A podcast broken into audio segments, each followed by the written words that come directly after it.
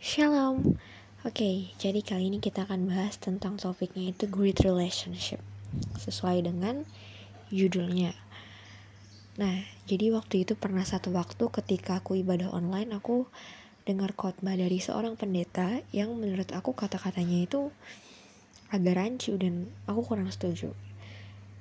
Uh, dia bilang seperti ini. Kualitas hubungan kita dengan sesama menentukan hubungan kita dengan Tuhan.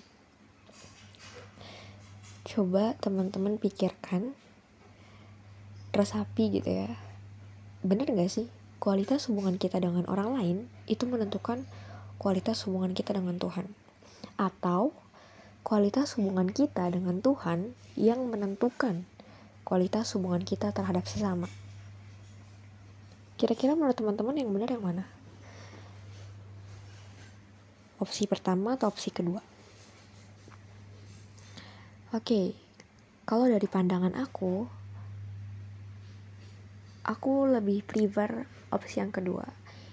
Ya correct me if I wrong ya cuman aku akan ngasih pendapat aku uh, dan aku akan berusaha untuk bersikap objektif mungkin senetral mungkin dan bagaimanapun harus tetap berpatokan sama Alkitab ya.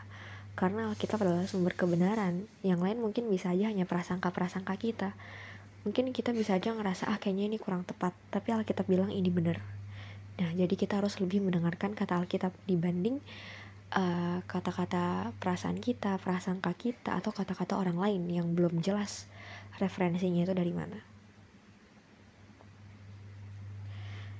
Oke, jadi gini, kita hanya bisa mengasihi orang sebesar kita dikasihi. Okay? kita nggak bisa punya relationship yang baik dengan orang yang kita nggak suka. Kita nggak bisa punya relationship yang baik dengan orang yang kita benci atau kita selek iya kan? So kalau kita benci sama orang otomatis relationship kita buruk dong ya. Jadi aku boleh bilang kalau akar dari relationship yang baik itu adalah mengasihi right? Karena kalau kita nggak sayang sama orang at least ya orang kalau misalkan berbuat baik sama kita gitu ya pasti kita akan berhutang budi. Kita akan berpikir bahwa ah nih orang baik nih dulu dia nemenin mama gue di rumah sakit dulu dia ngebantuin keluarga gue waktu lagi susah. Nah waktu dia jatuh atau dia butuh bantuan kita pasti akan tolong. Kita akan anggap dia saudara kita karena dia baik ya. Karena dia uh, menunjukkan bahwa dia mengasihi kita dan kita membalas kebaikannya itu dengan cara mengasihi dia balik bantuin dia. Kalau dia perlu kalau dia sedang jatuh ya kita bantu ketika kita mampu gitu kan. Ya at least orang mungkin akan berpikir seperti itu. Orang yang belum percaya sama Tuhan ya. Nah kalau manusia biasa aja bisa kayak gitu teman-teman. Kita buka di 1 Korintus 13 ayat 13 di dalam hidup kita kasih adalah the one one of the greatest grace satu dari anugerah salah satu dari anugerah yang terwow lah terluar biasa gitu. Dan kita nggak bisa ngasih ke orang lain hal yang gak kita punya. Contohnya kamu minta donat sama aku tapi aku nggak punya donat. Apakah aku bisa kasih? Tentu enggak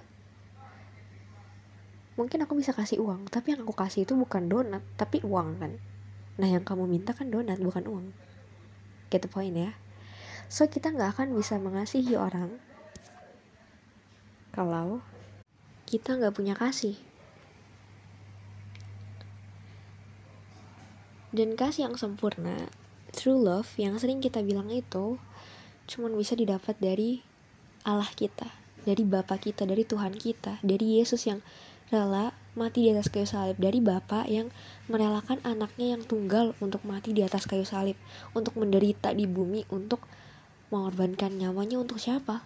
Untuk kita. Umatnya. Umatnya itu adalah orang-orang yang percaya. Orang-orang yang dia kasihi dan orang-orang yang mengasihi dia.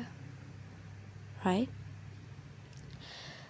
Sejauh ini yang aku tangkap gak ada orang yang bisa mengasihi setulus Tuhan mengasihi kita jadi bisa aku bilang kalau kasih yang sempurna itu cuma bisa didapatkan dari Tuhan. Kita tadi baca di Alkitab juga kan. Jadi kasih itu adalah sebuah anugerah yang cuma-cuma dikasih buat manusia. Dan manusia nggak bisa mencintai seseorang lain dengan tulus. Coba kalau uh, kalian tanya survei aja ke beberapa orang yang mungkin saat ini pacaran gitu ya kamu kenapa sayang sama dia? Iya dia soalnya cantik.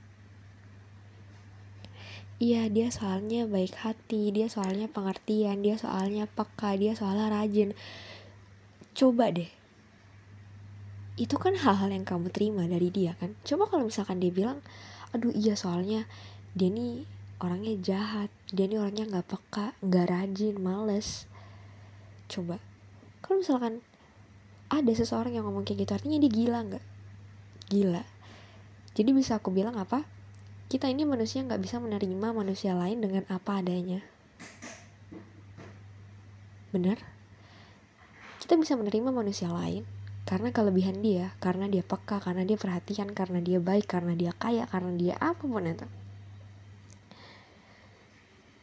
Iya kan? Jadi manusia itu nggak bisa mencintai dengan tulus kalau bukan Tuhan yang ngasih dari siapa dia ngelihat siapa yang menjadi representnya manusia. Dan untuk referensi Alkitabnya, ayatnya teman-teman bisa buka di 1 Yohanes 4 ayat 7 sampai 21 yang judul perikopnya uh, Allah adalah kasih. So menurut aku prinsip yang lebih benar mungkin seperti ini. Kualitas hubungan kita dengan Tuhan menentukan hubungan kita dengan sesama. God bless you.